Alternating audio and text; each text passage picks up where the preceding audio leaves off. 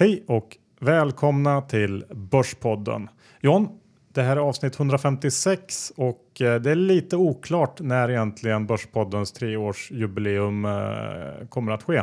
Ja, man kan ju tycka att eh, 52 gånger 3 är 156 och därför borde det vara idag. Men riktigt så lätt är det ju inte. Dels har vi haft ett extra avsnitt med Bröli och eh, sen har vi ju också haft eh, skottår. Ja, så vi måste nog helt enkelt räkna lite på det och återkomma. Ja, men det är inte den här veckan. Nej.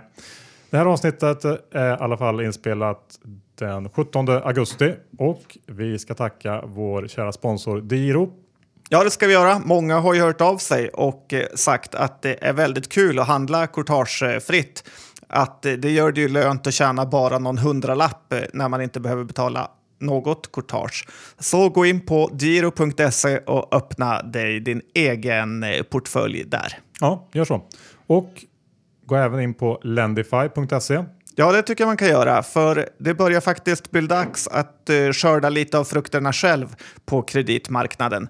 Peer-to-peer lending gör det ju faktiskt möjligt att låna ut pengar och få en ordentlig ränta tillbaka. Så titta in på lendify.se. Ja, gör så.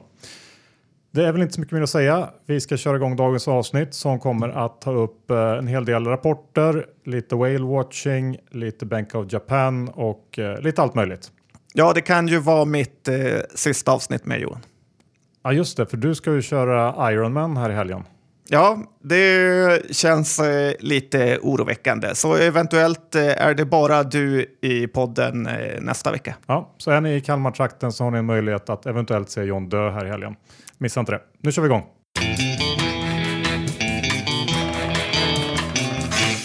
Johan Dr. Bass Isaksson, index är över 1400 nu och vi har haft en ganska stark uppgång sista veckorna. Det är banker, H&M, småbolag. Ja, det mesta har väl gått upp. Hur är läget tycker du? Ja, det är inte så bra. Riskviljan känns ju helt enorm just nu och som du sa, index eh, står kring 1400 men jag tycker det snarare känns som det dubbla ungefär om man bara baserar det på, på observationer man gör runt om. Antalet nya traders, folk som ska in och tjäna pengar, eh, snabba pengar dessutom på börsen eh, och så vidare. Det är ungefär som det här med inflationen och räntan i Sverige tycker jag. Eh, det finns tydligen in, inflation och eh, räntan är minus men eh, det känns inte riktigt så när man handlar. Eh, jag tog även en titt på aktietorgets indexgraf och där ser man ju också att eh, den grafen är parabolisk. Vi har inte haft någon nedgång där sista året utan där har det puttat på uppåt för att på slutet här fullständigt eh, balla ur. Och jag tror det är så att för väldigt många börsspekulanter där ute så var det ingen nedgång eh, som vi haft sista perioden här när, när OMX ändå var ner eh, 20 eller någonting. Utan eh, det är fortsatt eh, risk on som gäller. Eh, jag skulle vilja säga att det är liksom FOMO Tina Deluxe Time nu. Alltså, Utveckla. Ja, FOMO är ju det här förkortningen för Fear of Missing Out och TINA är ju There is no alternative. Och det är som någon slags eh, äcklig mix av de här två argumenten. Eh, man är rädd för att inte bli rik när grannen blir det. Och eh, så börjar det här, det finns inga alternativ, argumentet bli allt mer populärt och dyka upp eh, allt mer frekvent igen i media. Eh, och det argumentet är ju i grund och botten eh, någon slags relativ värdering Eh, som jag tycker att man ska vara försiktig med. Eh, och i det här fallet så blir det den här Fed-modellen som man eh, ja, använder egentligen, att man inverterar P-talet och, och jämför det med den långa räntan. Och pekar på att ja, det är en ganska stor spread mellan den, de två talen. Men till att börja med här så har ju den modellen i sig massor av problem som vi kanske inte ska gå in på här. Men även om man accepterar modellen i sig så finns det ju en del andra förklaringar till varför jag inte tycker att det här är något vettigt argument. Vi har, inget, eh, vi har ingen tillväxt i världen. Eh, vi är rimligtvis i slutfasen av en väldigt lång cykel och eh, för att inte glömma det faktum att det själva jämförelseobjektet som man använder, alltså centralbankernas räntor och den påverkan som centralbankerna haft på räntan kanske inte riktigt är relevant att jämföra med. Många pekar faktiskt på att räntepapper är mer eller mindre det sjukaste som man kan investera i där ute just nu. som är helt felprissatt. Så att jag, jag har svårt för, för allt det här. Uh, och uh, ja, tycker att det känns lite jobbigt igen. Ja, det kan man ju förstå, för börsen är ju tokig. Sen tycker jag också, det, om vi ska gå in på det här med om vi har haft någon slags riktig nedgång nu som, som bäddar för en uppgång som jag pratat om tidigare, så tycker jag ett, en till observation som, som eh, ja, inte pekar på att vi har eh, riktigt gått ner ordentligt, det är ju att vi inte haft någon riktigt stor högprofilerad spelare som, på, eh, som hamnat i trubbel. Eh, vilket brukar vara fallet i sådana här nedgångsperioder som är på riktigt. Eh, under 90-talet så var det ju fastighetsspekulanter, IT-miljardären under IT-bubblan och eh, senast så var det ju storfräsare som till exempel Mats och Sundqvist eller eh, Johan Hansen som eh, dukade under. Och här skulle jag också vilja se att någon, någon stor spelare åker på ordentligt. Typ någon fastighetsmiljardär kanske eller någon, någon uh, ny uh, IT-miljardär. Eller Avanza-mannen. Ja, kanske. Du har ju också spanat kring konjunkturen John. Ja, jag har funderat lite och jag har ju två olika takes på börsen nu. Det ena är ju att eh, världen egentligen har gått igenom en lågkonjunktur med de mycket större bolagen som förlorare, banker, verkstad, detaljhandel, oljebolag. Och eh, i Sverige har vi lite missat den då det råder någon typ av pokerboom på de mindre listorna. Det gör att sådana som du och jag, Johan, tror vi har haft högkonjak för att vi har varit förfärgade av den svenska börsen och eh, sentimentet vi har haft här. Medan egentligen har det varit en lågkonjunktur och nu är vi på väg ur den, vilket gör att börserna skulle kunna ha en väldigt eh, stor uppsida om det faktiskt visar sig att verkstad, olja och eh, handel eh, kommer igång på riktigt. Men det andra alternativet som jag har och det är ju att det verkligen är en superhögkonjunktur nu och att det är som Warren Buffett säger, att det är time to be fearful när andra är greedy. Och det tyder ju starkt eh, det som tyder starkt på det här är ju att bostadspriserna är på topp, vilket man kan se på aktiekurser som eh, hos Magnolia. Vi har rekord i husbilsförsäljningen som vi ser i KABE. Minibolaget UTG som säljer exklusiva Bahamasresor och golfresor gör en omvänd vinstvarning. Bilia säljer mer bilar än någonsin och eh, Scandic har sina hotell mer bokade än någonsin. Och eh, lägger man då till den här håsen i vinstlösa mikrobolag på aktietorget så målar man upp en ganska klar bild av en stor topp. Och om vi skulle hamna i någon typ av recession eller depression så skulle det vara lätt att titta tillbaka på den här tiden och säga att det var ohållbart på något sätt. Så du har två de delar där Johan. Mm, jag väljer eh, det senare.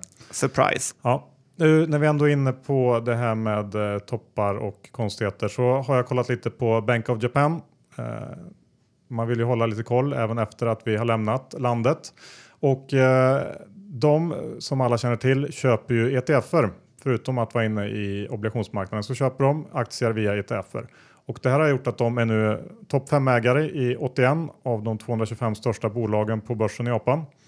Eh, om man är till exempel största ägare i Yamaha Corp, det bolag som tillverkar pianon. Trevligt, trevligt. Ja, eh, och eftersom eh, Kroda på, på BOJ dubbla ETF-köpen här senaste mötet så kommer det här bara bli ännu värre. Och snart så kommer man vara störst i bolag som Olympus och Fanuc till exempel. Till att börja med så gråter man ju när man läser sånt här om man då förespråkar fria marknader och, och, någon typ av kapitalism. Men det väcker ju även en hel del andra frågor. Man kan ju fråga sig vilken agenda Bank of Japan har som ägare egentligen och hur man ska se på det här ur någon slags eh, corporate governance perspektiv. perspektiv. Vill man som minoritetsägare ha Bank of Japan som största ägare och är de den ägare som är bäst för bolagets eh, långsiktiga utveckling? Eh, Bank of Japan har ju som primärt mål att få upp inflationen egentligen. Och eh, tittar man lite närmare på de här ETFerna som de har köpt så får vi faktiskt en, en eh, liten ledtråd om eh, hur det ser ut om Bank of Japan får bestämma. För att merparten av köpen sker i ETFer som eh, replikerar de stora indexen i Japan. Men en liten del går även till att eh, investera i ETFer som letar upp bolag som dels höjer lönerna och även ökar eh, capex investeringarna. Det vill säga de, de har uppenbarligen en tydlig agenda att belöna bolag då som, som höjer lönerna, vilket resulterar i högre inflation och även som investerar mer.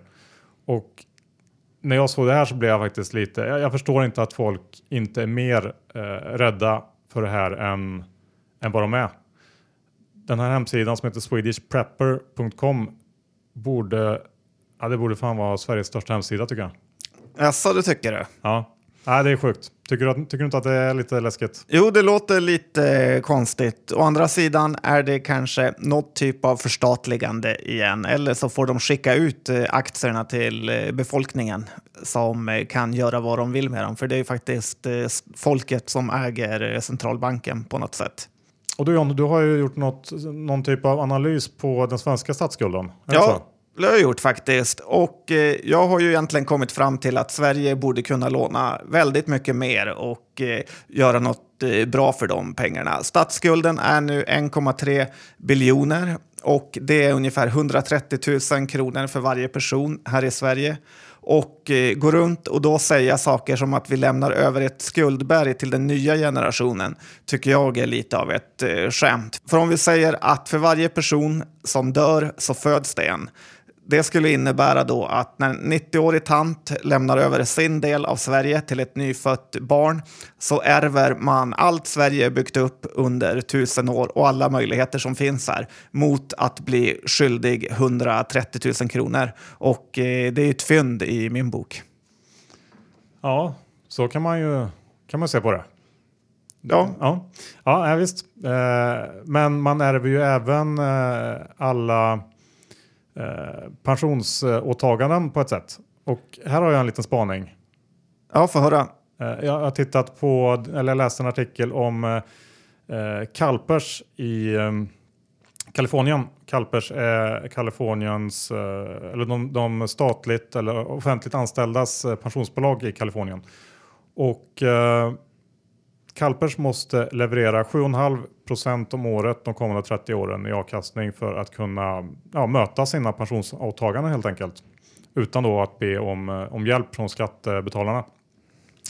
Och tittar man bakåt så har de levererat 7 årligen de senaste 20 åren och då kanske man kan tycka att det borde väl inte vara helt omöjligt att komma upp i 7,5.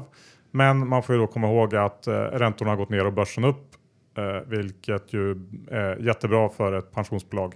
Men nu ser ju den utvecklingen lite tuffare ut får man ju säga. Förra året så levererade man 0,6 procent. Jag vet inte, man kanske inte ska vara så rädd eh, som trader att stå utanför det här eh, pensionssystemet. Jag vet inte. Nej, det känns ju inte så. Det blir väl en GM eller Ford-lösning att det blir eh, nedskrivningar i pensionerna till slut. Ja, det ser så ut. Du, det är whale watching season i USA John. Ja, berätta. Ja, eh, I USA så har i alla fall förvaltare lämnat in sina så kallade 13F-filings eh, där de eh, ja, redovisar sina innehav helt, egentligen. Förvaltar man över 100 miljoner dollar i USA så måste man rapportera in det.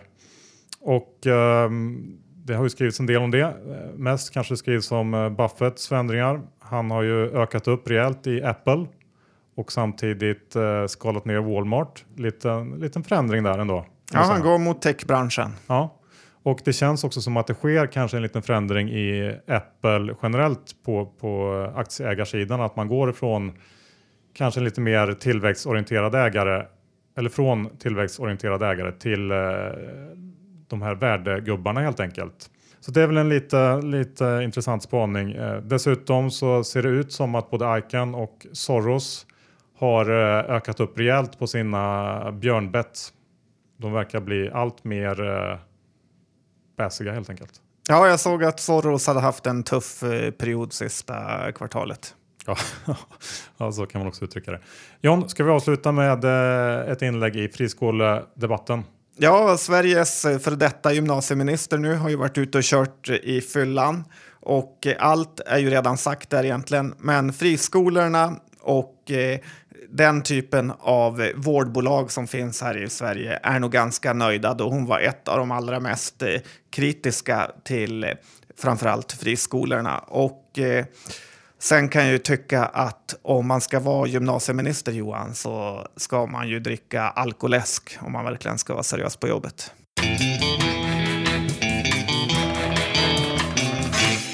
John, vi har en del bolag att gå igenom också så att det är lika bra att köra igång direkt. Eh, du kan ju börja med eh, litet rapportsvep kanske. Ska vi ta en vinnare, Oriflame? Ja, Oriflame kom med en kanonrapport som det heter och eh, strecket har blivit galet och har bestämt sig att den här aktien ska upp. Eh, det finns ingen återvändo när strecket har bestämt sig och Rapporten var ju bra, men det var inte länge sedan aktien stod i 140 spänn. Nu är den i princip dubblad. Jag tycker att eh, bolaget är för långt ifrån något jag någonsin skulle köpa samt att jag aldrig kan köpa efter en sån här eh, kursuppgång. Så eh, ja, här blir det kliva av för de som eh, skulle ha en sån här aktie kan jag tycka. Ja, jag håller helt med faktiskt. Doro var också ute med sin rapport. Eh, den kanske inte var jättespännande eftersom man vinstvarnade i, början av juli tror jag. Eh, och eh, ja, helt enkelt gick ut och berättade att resultatet för 2016 skulle bli lägre jämfört med förra året, vilket man inte trott tidigare. Doro är ju ett sånt där bolag som jag gillar vad de gör och den inriktning de har, har tagit med de här trygghetslarmen och äldre och, och så vidare. Men det här bolaget lyckas ju alltid på något sätt strula till det, vilket är lite frustrerande. Eh, rapporten i sig var väl ungefär i linje med, med vad man räknar med efter den här vinstvarningen. Eh, orderingången såg faktiskt rätt hygglig ut, men eh, de har ett förtroendeproblem tycker jag det känns som. Och tittar man på de prognoser som finns för i år så är den rätt dyr, men nästa år så väntas eh, P-talet halka ner under tvåsiffrigt faktiskt, 8-9 eh, någonstans kanske. Och det känns ju attraktivt, men frågan är om man vågar lita på det. Jag står och tvekar lite grann. Eh, jag tycker att den är intressant, men jag skulle gärna se att den tappar mer. Ja, det är ju ett sånt där bolag som är, kan vara bra att köpa när det gått ner mycket. Ja. Ett annat bolag som kom in med en dålig rapport är ju byggbranschens sämsta bolag och eh, det här är ju tecken på att man inte ska köpa bolag som släpar efter de andra och det är Peab såklart jag pratar om Johan. Såklart. Jag tänkte på det när jag gick förbi Friends Arena, hur mycket värde, värdeförstöring det är där. Först kostar arenan oändligt mycket extra kostnader för Peab och sen står den där tom och kostar eh, hundratals miljoner i drift för eh, Svenska fotbollsförbundet då den används i princip aldrig. Så att eh, ja, här är ett tecken på hur man verkligen kan bygga fram värdeförstöring, Johan. Man kan tycka att de borde få döpa om de här eh, målen till mål av Peab i alla fall för att få någon typ av plåster på såren. Ja, lite så. Ja. Eh, jag tänkte ta upp en liten eh, debatterad grej på Twitter som skedde här under veckan. Det var när den stora twittraren Kavastu skrev ett långt inlägg om investmentbolag och rekommenderade Svolder vilket fick Svolder-aktien att rusa som mest 13,7 procent.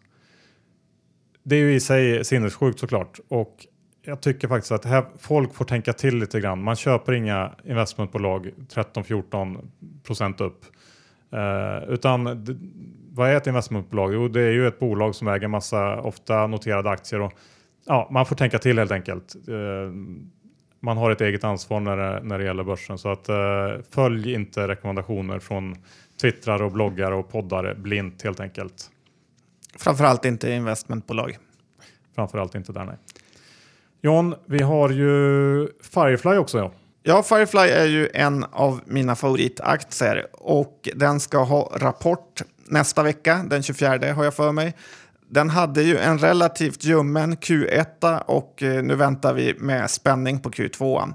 Och det är väldigt märkligt hur den här aktien har gått upp eh, sista tiden. Visserligen har Securitas snackat om att man ska köpa in sig i brandsäkerhet och Firefly storlek passar perfekt i det här intervallet.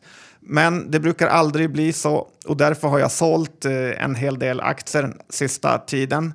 Eh, på de här nivåerna. För jag tror inte Q2 kommer leva upp till de här förväntningarna Johan. Ja, spännande. Du tar ett litet uh, bett kan man säga då uh, på att rapporten inte blir så bra. Ja. Får återkomma om det då.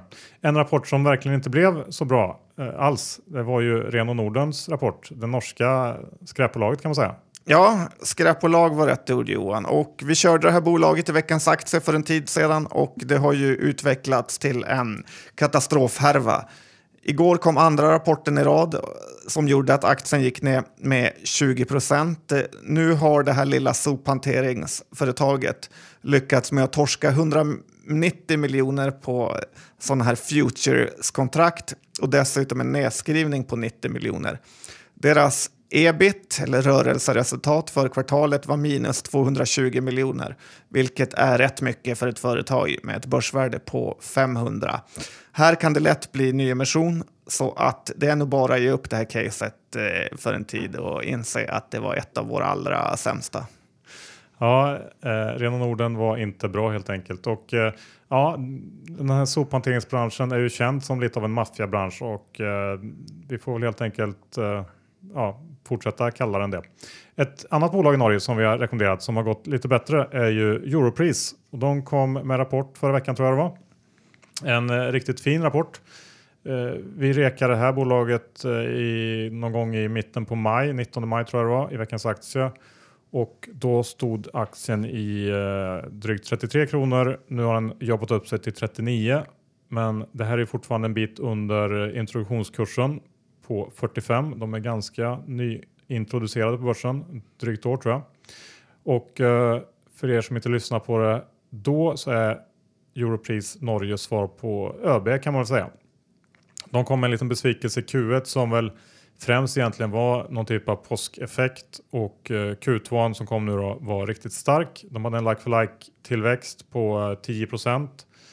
Eh, lyckas hålla bruttomarginalen bra och här kan det också finnas lite utrymme på uppsidan tror jag om man tror på ett scenario med en starkare NOK eh, och eh, lite marginalpotential alltså.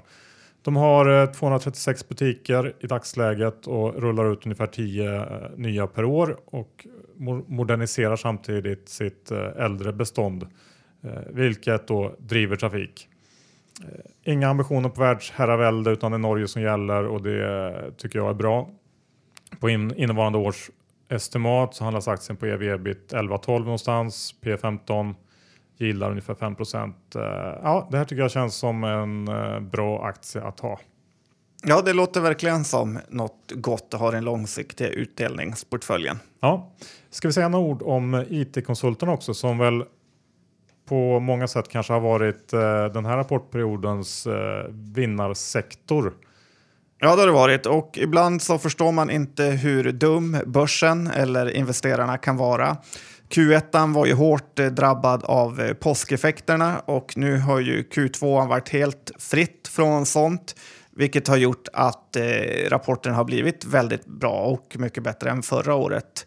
Eh, vi såg eh, Acando gå upp med 10% igår. Knowit har gått upp från 60 kronor till 80 kronor och köper man Knowit på 80 när den stod i 60 för en månad sedan så är jag rätt säker på att det här inte kommer bli en bra affär. Utan det är på 60 man köper och 80 man säljer Johan. Ja, så helt enkelt paus i it-konsultsektorn för tillfället. Verkligen. TC Tech då? Ja, här har vi fått en sinnessjuk eh, uppryckning och det här är ju ett av topptecknarna som man kan vara orolig för. Anders Lönner har gått in i den här aktien och eh, den gick upp 40 procent på det beskedet och är väl upp eh, 20-tal eh, procent idag.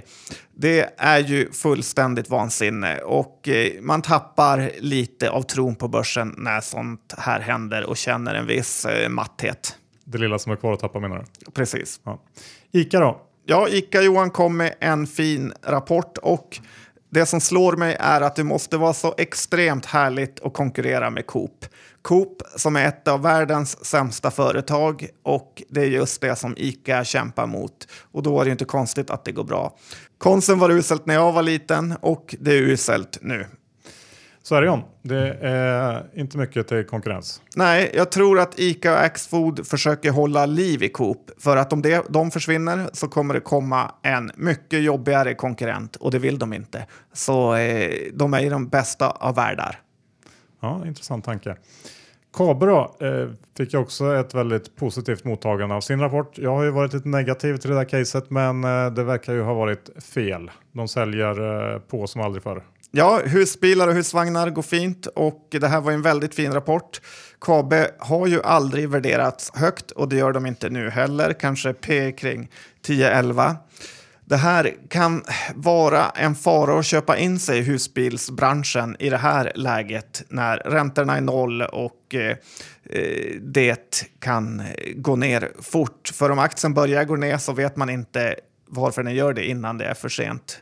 Eh, men just nu går det mycket bra och eh, det kanske kan vara ett case för Didner-grabbarna att kika på Johan. Kanske, kanske. Med ekonomerna? Ja, ingen har väl missat att det sker typ 20 eh, bilbränder per natt i Stockholm, Norrköping, Malmö och Göteborg. Och eh, ofta sker de här bränderna i garagelängor och eh, parkeringshus, vilket gör att när två bilar brunnit upp så rökskadas 20 till 30 stycken. Och det här är ju mumma för Mekonomen som måste ha hur mycket extraarbete som helst att göra. Jag ringde faktiskt upp en verkstad på skoj och frågade om eh, de hade en möjlighet att ta emot och det fanns inte en tid på hela veckan. Det enda som talar emot Mekonomen är ju att ledningen kommer från Coop. Ja, ja. ja det är eh, intressant. Det kanske kan vara värt att titta på Mekonomen. Scandic då, som ju också har, eh, har det gött i nollräntevärlden. Ja, och eh, det här är ytterligare tecken på att tiderna är bra när hotellbokningarna är fulla.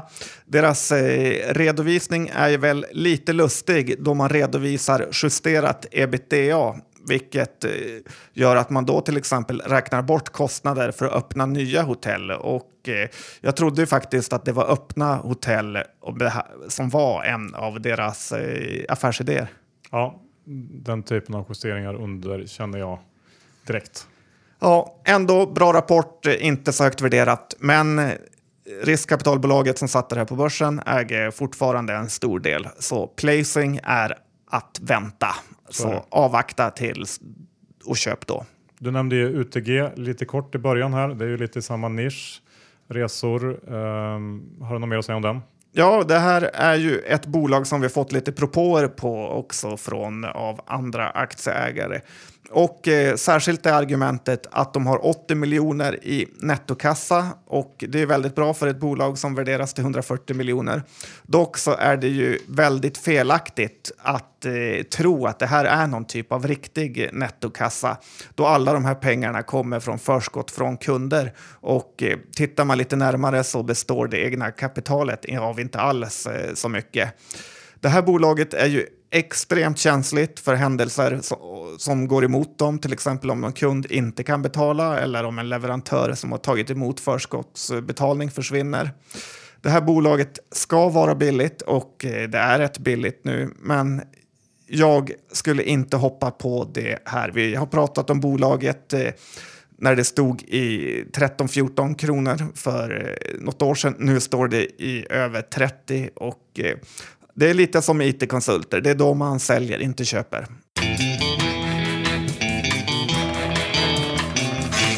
Vi tackar DeGiro för att ni sponsrar Börspodden. Gå in och öppna ett konto. Handla gratis om ni har under en miljon på depån och ja, det är väl inte så mycket mer att säga. Ja, men det är knappt någon som har det i Sverige längre. Nej, precis, men eh, man kan ta en, en liten del av sin portfölj. Ja, och så har vi Lendify. Precis, låna ut pengar peer-to-peer och eh, tjäna ränta på det. En ränta som är betydligt bättre än den du får hos storbankerna. Ja, Johan, och eh, det var kul att prata aktier efter ett litet uppehåll. Det var det. Alltid kul att komma tillbaka och se vad som har hänt. Eh, och ja, så här kommer det fortsätta vecka efter vecka. År efter år. Ja, vi får se. Ett tag till i alla fall. Men eh, vi har väl inte så mycket mer att säga. Vi har innehavsredovisningen. Uh, jag har faktiskt uh, ett innehav i Europris. Jaså, kul att höra. Du då? Jag äger eh, långköraren Firefly och eh, hoppas faktiskt lite att den kommer gå ner här närmsta tiden. Annars har jag gjort bort mig. Det har du verkligen. Bra, men eh, då har vi inte så mycket mer att säga. Vi tackar för oss och tack för att ni lyssnade. Hej hej!